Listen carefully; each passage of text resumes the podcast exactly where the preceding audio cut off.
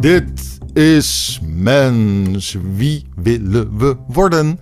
De wereld is een speeltuin. Lukraak en pijlsnel proberen wetenschappers en bedrijven al het denkbare uit. En af en toe word je gek van het volgende mannetje dat roopt te roepen dat the world better wordt.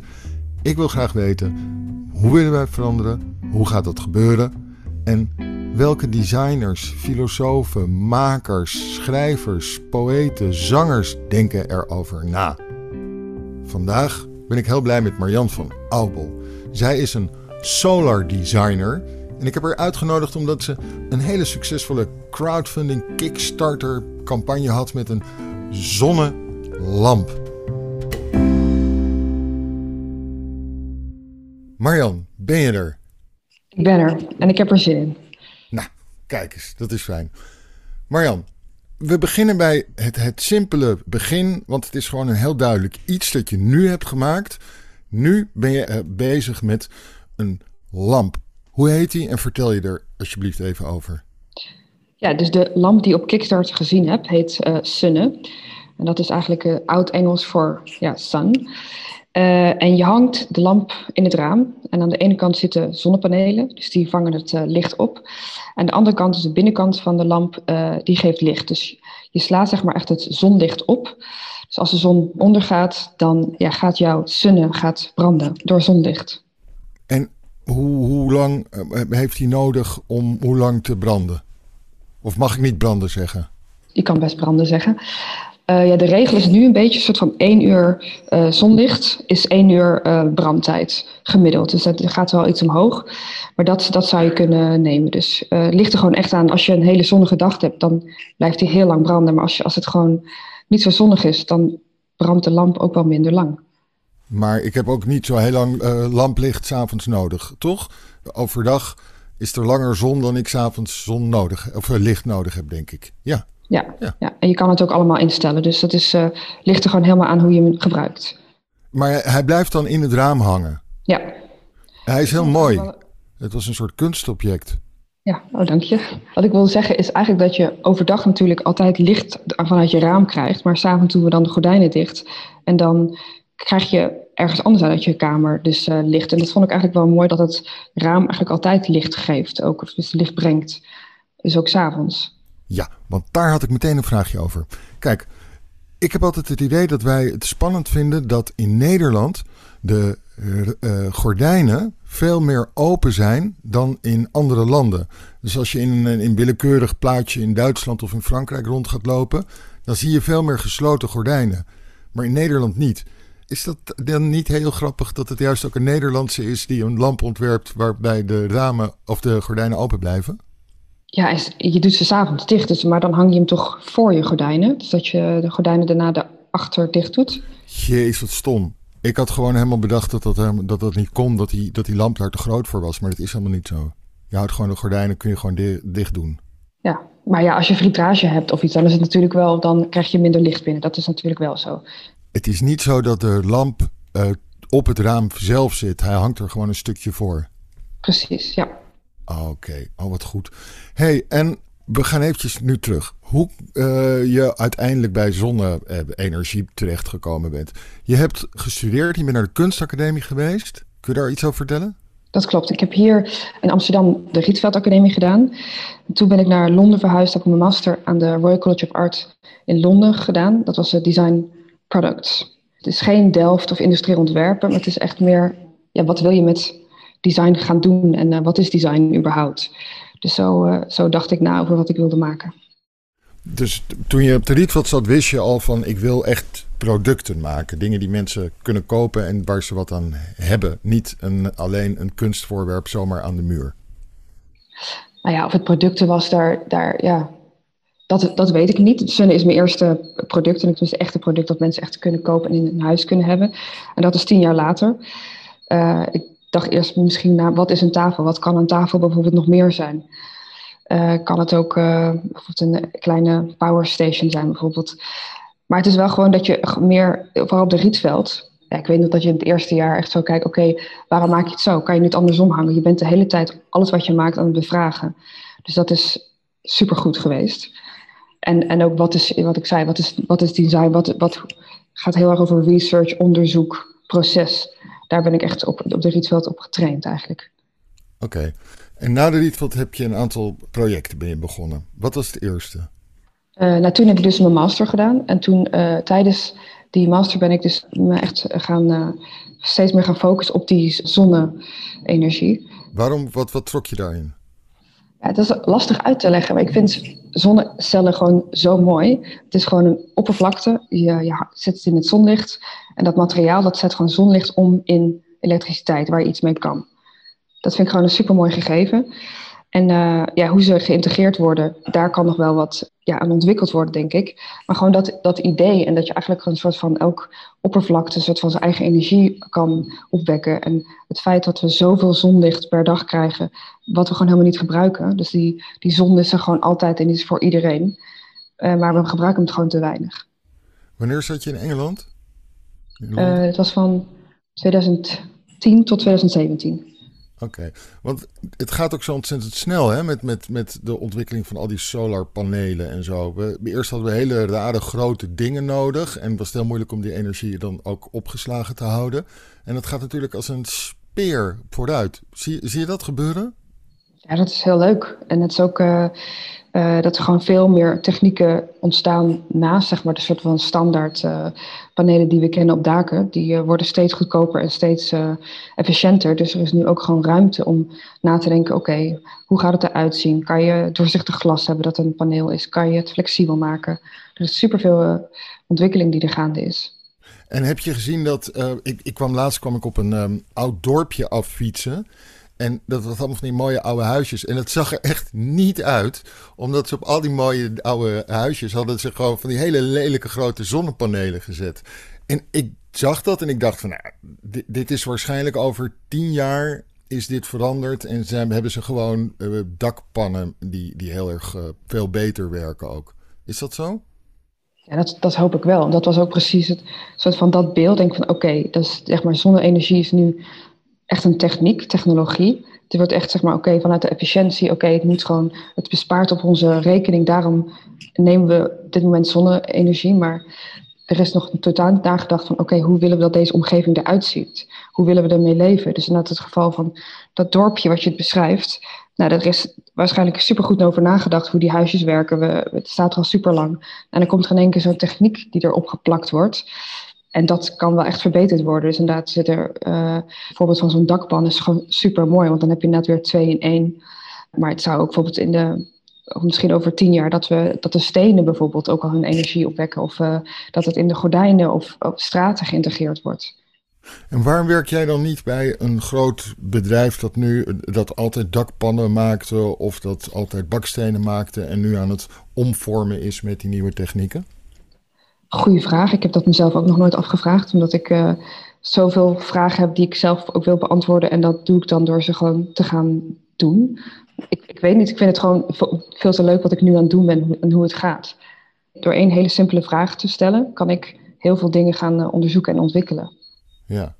Ik was jaren geleden bij de architectuurbiennale van Rem Koolhaas, waarin hij alle elementen uit het bouwen de geschiedenis ervan probeerde na te gaan en een voorspelling over de toekomst deed.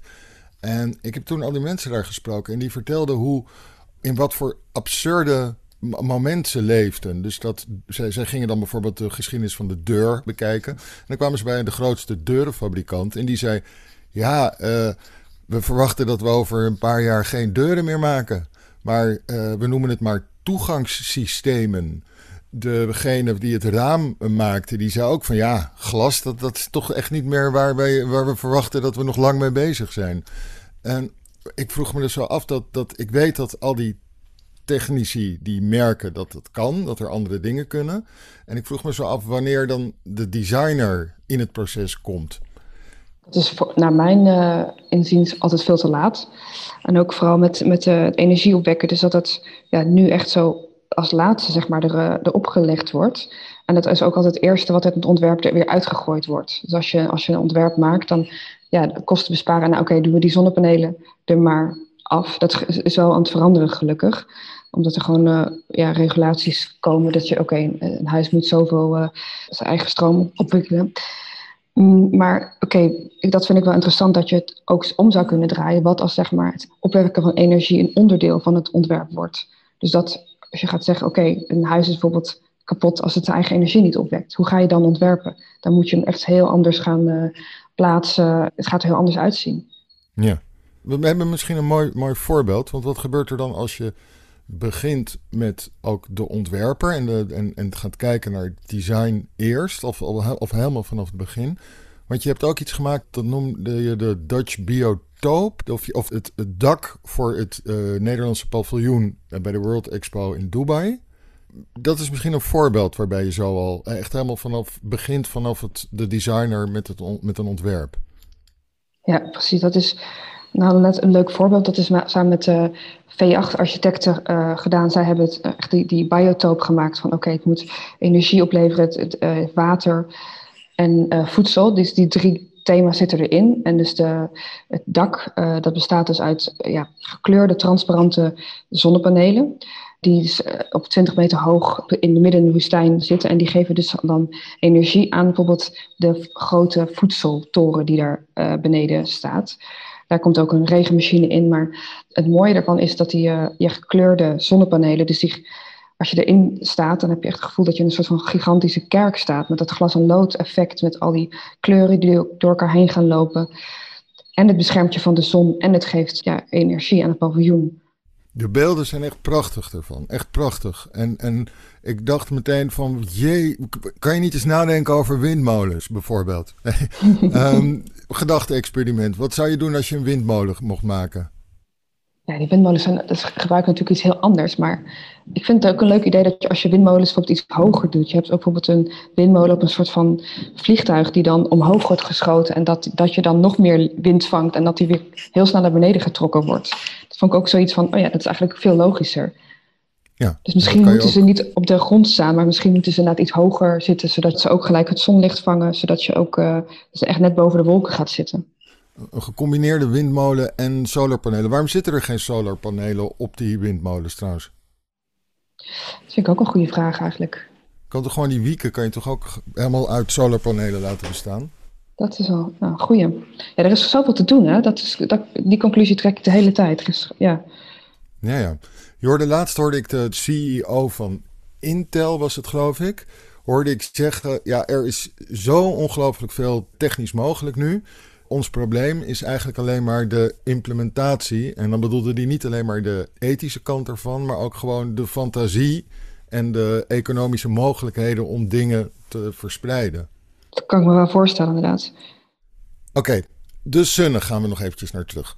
Op een gegeven moment dacht je van, weet je wat, ik ga gewoon mijn eigen lamp maken. En uh, fuck it, ik ga niet eerst naar een, uh, een bedrijf en zeggen van... hallo, ik ben Marian, ik ben ontwerper, mag ik bij jullie komen ontwerpen? Maar doe het zelf. Waarom? Nou ja, omdat ik best met veel bedrijven gesproken heb. En die zijn dan, vinden dan allemaal toch een beetje eng. Oké, dat is iets lampen, zonne-energie binnen. Oké, nooit geprobeerd ja, het systeem werkt, uh, werkt gewoon een beetje anders en het kan gewoon zelf. Dus met een Kickstarter kan je gewoon zeggen: Oké, dit is wat ik wil gaan doen. Wie is hierin geïnteresseerd in? Die kunt, als je het leuk vindt, alvast een lamp kopen, zodat wij die ontwikkeling kunnen gaan doen. Ja, maar wacht nog heel even. Dat, dat begrijp ik. En nog heel even terug naar waarom doen die bedrijven dat niet? Want ik was bij die Biennale in Venetië en die bedrijven zeiden: Wij zien dat er straks geen deur meer is. Wij zien dat we straks geen gewoon raam meer verkopen. Dus wij moeten om. En daar zijn we heel erg mee bezig. Waarom luisteren ze niet als jij aankomt als designer en zegt van... hé, hey, kijk eens, ik heb een hele interessante nieuwe lamp uh, ontworpen. Uh, kunnen we hier wat mee gaan doen? Waarom luisteren ze niet? Ja, uh, nou, ze luisteren op zich ook wel wel, maar ook, ook weer niet. En het is ook... Ik heb wel bijvoorbeeld met uh, Swarovski lamp ontwikkeld. En dat was... Ik vind het gewoon... nou ja, dat had ik hele mooie tekeningen gemaakt. En toen paar maanden later was het er, weet je wel. En toen dacht ik, nu heb ik het allerleukste proces zelf overgeslagen. Dus dat, ik vind het ook gewoon heel, heel leuk om dat helemaal uit te gaan zoeken. Waar wordt het gemaakt? Hoe, hoe gaat dit zitten? Het is gewoon een hele grote puzzel die je moet gaan leggen eigenlijk. Aha. Het is, je, wil, je wilt zelfcontrole ook houden. Je wil niet alleen een designer zijn die een leuk vormpje tekent en zegt van, uh, nou, dit is misschien een leuk ideetje om uh, het, het, op deze manier de, uh, uit te voeren. En dan ga je gang. Ja, dus ja, die vormen ze. En dat de idee heb je natuurlijk zo gemaakt. Maar het is natuurlijk hoe je het hele proces daarna, dat is, is toch twee jaar geweest eigenlijk. Dat is heel leuk geweest. En ook wel spannend. Waarom is dat leuk? Ja, je leert sowieso heel veel. Ik heb gewoon zoveel geleerd ook. Ook ehm, nou, niet alleen maar over zonnepanelen, maar ook ik kan hier op heel veel verschillende manieren met mensen nu praten, met engineers, maar ook van oké, wat voor aantallen bijvoorbeeld. Daar heb ik allemaal nog nooit over nagedacht. En het lijkt me gewoon wel goed om een keertje als designer daar überhaupt over na te denken. En hoe kom je dan aan geld om dat te doen? Nou ja, de, zeg maar het idee ontwikkelen, dat heb ik samen met een, met een uh, ontwikkelingssubsidie van het Stimuleringsfonds kunnen doen. Oké. Dus dat was een, uh, en daar kreeg ik een dat ik samen met ECN TNO een samenwerkingvoorstel voor geschreven. En toen had ik, nou ja, wel iets van uh, tien ideeën had ik uh, bedacht. Weet je wel, je kan het in parasol zien, je kan het in uh, Luxaflex, allemaal hele leuke ideeën. Toen dacht ik, ja, dat, dat, dat is het niet het moeilijke. Maar hoe maak je die volgende stap nou? Dus ik heb daarvan één ontwerp uitgekozen. En toen dacht ik, die ga ik even helemaal doorontwikkelen. En dat is de Sunne geweest. Dus het kreeg een naam, dus het kreeg, uh, het kreeg een verpakking, het, kreeg, het, het, is er gewoon bijna. En toen, uh, dus door de Kickstarter, is het, heeft het dus nu ook mensen waar het in het huis komt te hangen. Ja. Even tot de Kickstarter. Werkt het dus een beetje het systeem in Nederland? Dat creatief iemand die denkt van, nou, ik heb echt interessante dingen, die heeft gestudeerd, heeft dat, dat laten zien dat ze iets kan die wordt geholpen bij TNO en die wordt geholpen bij het Stimuleringsfonds. Dat klinkt eigenlijk als een mooi verhaal. Ja, dat is ook, het is ook wel een mooi verhaal. Ja, dat komt vooral door het, door het stimuleringsfonds. Want ja, het blijft gewoon zo dat als je iets creatief of met kunst doet, dan zijn de budgetten heel anders dan als je in één keer met een, in onderzoekscentrum zoals TNO uh, gaat, gaat werken. Dus dat was wel ook wel een beetje een uitdaging, maar niet onmogelijk. Want als je, dat is wel een beetje het probleem met uh, zonne-energie. Het wordt allemaal op schaal gemaakt. Dus als jij iets nieuws wil ontwikkelen, is dat best lastig omdat de systemen nou eenmaal zijn zoals ze zijn. Dat is lastig om dat in één keer te veranderen. Ja. Je hebt het, uh, het, een prototype op een crowdfunding website gezet, Kickstarter. Wat voor soort mensen kopen dat dan? Oh, sorry, eerst even zeggen dat het heel succesvol was. Dus je zette het erop en ik geloof dat het nog binnen uren had je al het bedrag gehaald dat je nodig had. De, hoeveel was het ook alweer? Ja, zeg maar, het, het, het startbedrag was 60.000 euro en daar konden we het gewoon van doen. En die hadden we dan echt binnen, ja, een anderhalve dag was dat dan binnen. Dus het was, ging, uh, ging super snel. Het was, ging, ging een beetje te snel. Van, oh, oké, okay, we hebben het al. Wat moeten we die hele maand nog doen? Maar, uh... en wie, wie doen dat dan? Wie, wie betalen dat? Ik heb, ze bestelden gewoon alvast een lamp. Ja, dus uh, er zat echt een hele ja, pre-campaign aan vast van oké, we komen eraan met een, met een Kickstarter. Dus dat, dat heeft heel goed geholpen. Maar ook vanuit Kickstarter zelf, het is gewoon een heel groot platform met allemaal mensen die het gewoon super leuk vinden om dit soort nieuwe ideeën te ja, supporten eigenlijk. Dus de meeste mensen ken ik ook gewoon helemaal niet. Dus gewoon, uh, en vooral uit, de, uit de Amerika. Uh, ja, vooral uit Amerika? Gewoon, ja, omdat het daar gewoon heel groot is. Dus dat is echt heel leuk. Dat vind ik okay. ook een heel goed teken ook. Dat het niet alleen maar bekenden zijn van leuk, uh, leuk project Marjan, we gaan je wel even steunen. Maar echt ja. Moet je nu dan ook, heb je ook heel erg opgelet al met een patent en zo? Dat ze niet uh, in Amerika iemand dat ding koopt en dan vervolgens een, een, in plaats van met ronde hoeken, met scherpe hoeken naam maakt? Nou ja, dat zal altijd misschien wel gebeuren. Ik heb wel, wel, dat wel, uh, het wel vastgelegd. En uh, dan, dan gebeurt dat toch maar. Ja, ik weet niet. Nee, maar werd het dus, ik ben benieuwd hoe dat gaat. Werd het gekocht, denk je? Kon je zien wie het kocht? Kocht maar. Want, ja, ja, ja. En dan ook lampenfabrikant. De, kocht hij het ook? Zat hij er ook tussen? Nee, die heb ik nog niet gezien. Nee. Het zijn echt meer gewoon mensen die het gewoon heel leuk vinden. En ook, ja. Oké. Okay. En nu moet je gaan leveren. Ja. Hoeveel lampen eerst? Nou ja, ik zit nu nog maar halverwege in die campagne, dus de teller loopt gewoon door. Uh, dus uh, ik dacht, nou, met 100 lampen gaat het lukken. Nou, ik zit daar nu al ver boven. Dus ik moet ook een beetje gaan nadenken, oké, okay, hoe ga ik dat iets slimmer doen? Want de eerste serie wilden we gewoon echt zelf in elkaar gaan zetten met een team en dan gewoon de inpakken, de doos. Daar heb ik ook heel erg zin in. Ja. Maar dat is natuurlijk maar heel eventjes, dat, is dat haalbaar? Daarna moeten we ook echt nadenken van waar gaat het dan naar? Wat, wat is de, de stap daarna? Ja, en, en dus mensen die naar deze podcast luisteren, die kunnen ook nog naar de Kickstarter om een lamp te bestellen. Ja, hij staat tot 1 april. Is hij, uh, is hij live op Kickstarter inderdaad. Oké, okay, dus dan ga je naar Kickstarter en dan zoek je gewoon op Sunne met dubbel N. Wat goed. Hey, um, En nog, eh, nog twee onderwerpen wil ik met je eh, behandelen. Um, wat denk je dat je hierna gaat doen? Wat, wat denk, blijf je, denk je, een zonne... Wat, hoe noem je het ook weer? Een solar designer? Is dat wat je echt gaat blijven doen? Ja, ik vind het wel gewoon zo leuk. Uh, dus ik wil het nog wel even een paar jaar blijven doen. En wat het heeft dan? me ook gewoon geholpen. Wat, nee, ik bedoel, ik wil weten wat je dromen zijn van, om te gaan maken met, met zonne-energie. Wat zouden we er nog allemaal meer mee moeten kunnen doen? Nou, sowieso om na, om na te denken van oké, dus hoe willen we eigenlijk met zonne-energie leven? Dus hoe willen we dat het soort van bijna een vanzelfsprekend gegeven is in ons dagelijks leven? Dus um, ja, ik zeg dat eigenlijk elk oppervlak zijn eigen energie zou kunnen op moeten werken. Dus elk product of elk huis.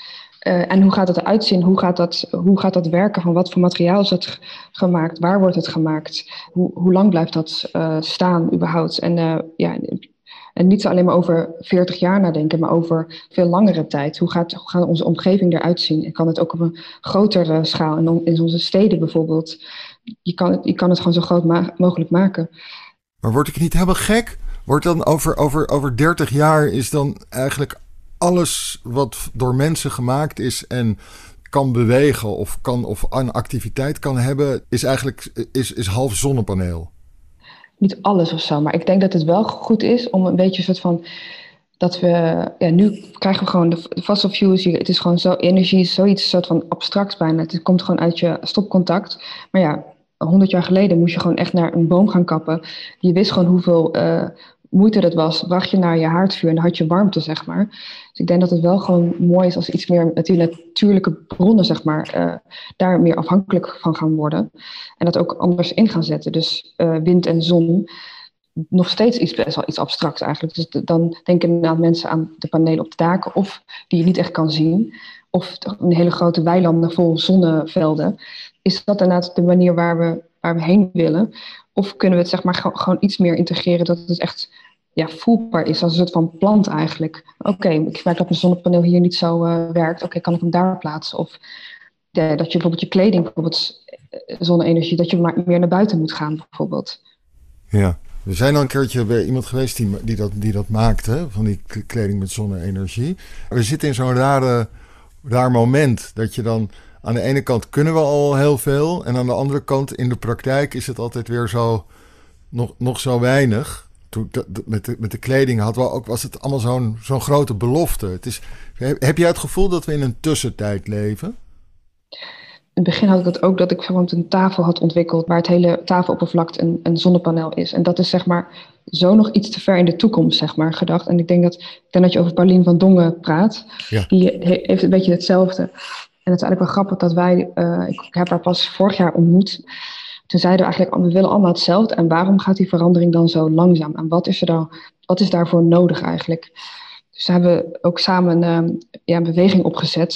Het heet de Solar Movement. En daar hebben we dus filosofen, wetenschappers, maar ook mensen uit de industrie zijn daarbij betrokken.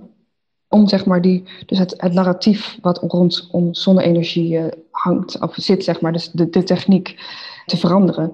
En dat kan alleen maar als je zeg maar samen gaat werken. Dus uh, ja, het idee is om daarom Solar Biennale volgend jaar te organiseren. En om dat gewoon te versnellen. Dus, dus samenwerken met de industrie, zodat het niet meer die belofte blijft. Maar oké, hoe gaan we die belofte waarmaken en een paar stapjes terug uh, denken? Gaan we eigenlijk weer terug naar een soort nieuwe wereldtentoonstellingen, zoals je die meer dan 100 jaar geleden had. Dat je dat gewoon één keer per jaar laat zien van. Ik vind dit een supergoed idee dat je eens in dezelfde tijd laat zien van kijk eens, dit kunnen we al en dit zijn onze vergezichten. Ja, dat hebben we als voorbeeld hoe we het niet willen doen. Die, die oh. wereldtentoonstelling. ja, maar ik als mannetje denk dat dan meteen. Ja, we hadden een soort van, oké, wat is er, als ik dat uitleg, dan, dan klinkt het inderdaad als een soort van fair, met oké, okay, dan heb je de zonnecelauto, dit en dat is allemaal mogelijk, maar de bedoeling is echt meer, daar zijn we heel erg over nadenken. En ook heel leuk is, hoe ga je het zeg maar echt weer terug, meer terug naar de mens brengen. En dat je het echt zeg maar als een soort van bijna kan ervaren eigenlijk.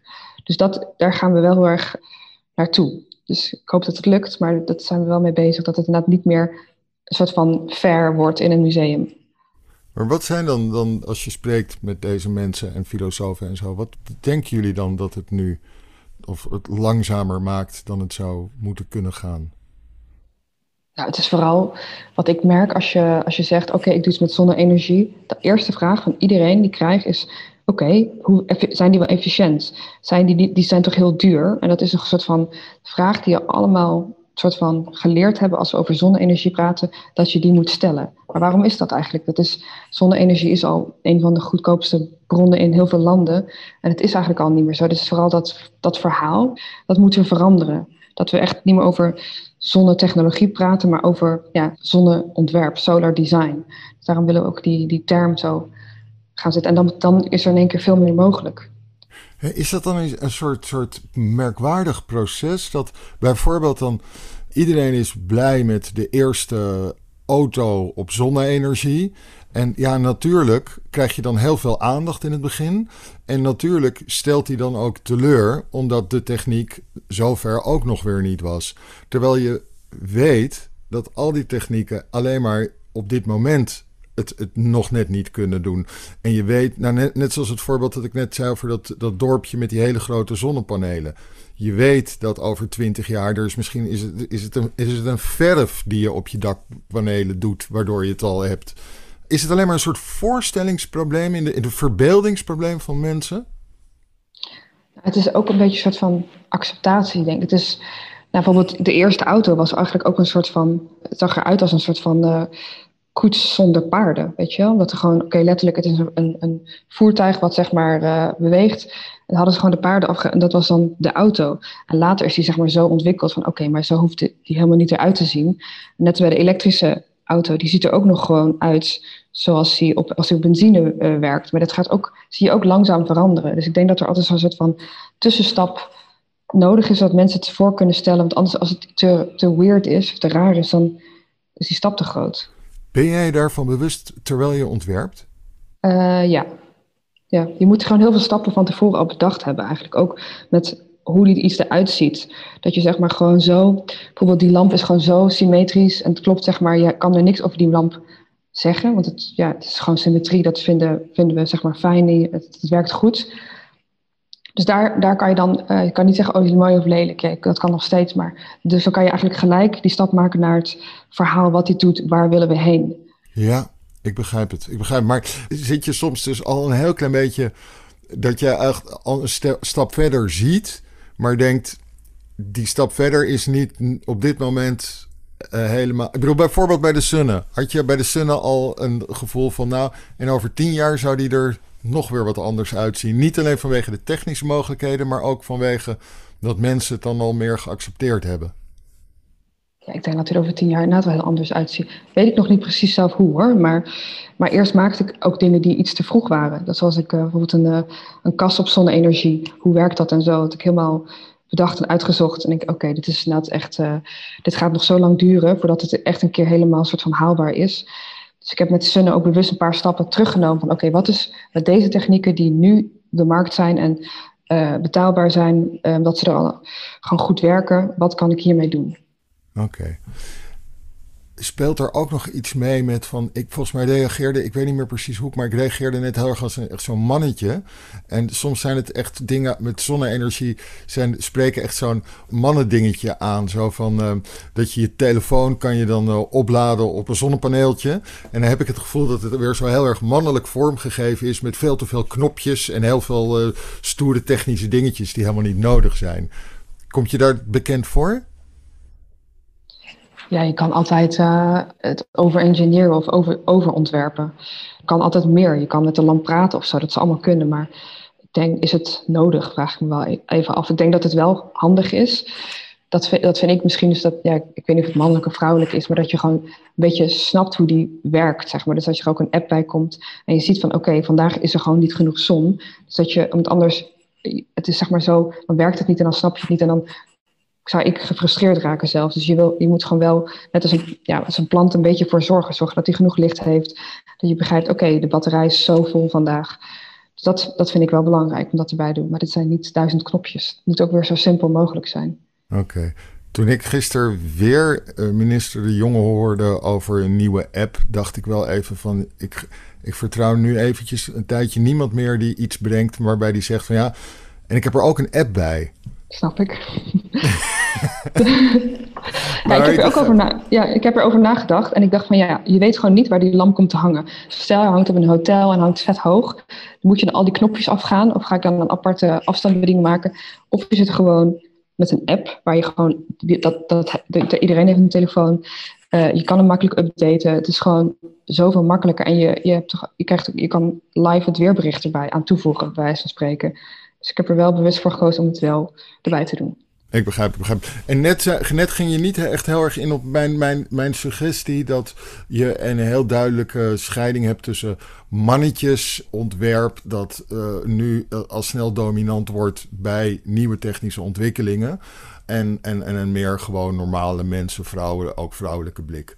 Ja, dan bij wat moet ik dan maar precies bij voorstellen? Dat een soort van heel veel mogelijk is, dat je er gewoon snel mee moet kunnen rijden of zo. Bedoel je dat? Of, uh, nee, ik bedoel meer... Ja bij het, de implementatie van nieuwe technieken uh, het gevoel heb dat er vaak de jongetjes en de nerds die het gewoon heel erg cool vinden om knopjes te hebben, in plaats van meer over hey, wat brengt die technische mogelijkheid en wat, wat en meer. Uh, ik kan ook, er, ook genieten van het resultaat en ik kan er iets mooiers of beters mee maken. Ja, nou, zeg maar dat is met engineering volgens mij, maar ook met design. Dat het gewoon heel lastig is om iets heel simpels te ontwerpen eigenlijk. Maar dat het wel gewoon, je moet zeg maar de hele tijd dingen afschaven, zeg maar. En dan denk je, dat moet, is dat echt nodig? Is dat echt nodig? En dat is, uh, voor mij leer je dat of zo, dat je denkt van, oké, nu valt het soort van bijna uit elkaar. Het kan nog net, dan, dan weet je dat je goed zit, zeg maar. Dus gewoon wel de hele tijd functies eraf halen. Ik vind het gewoon irritant als iets te ingewikkeld is. Dan, dan ja, het is gewoon mooi als het gewoon klopt. En dat, dat is, werkt veel fijner, toch? functionaliteit uh, voor uh, frutsels. Ja, frutsels, ja. Oké. Hey, Marjan, heel erg gefeliciteerd. Het is geweldig uh, dat je dit zo eventjes neerzet. Althans, niet eventjes. Ik begrijp wat een waanzinnige operatie het is. Maar heel erg gefeliciteerd en dank dat je bij ons was. Ja, ik vond het ook leuk. Dankjewel.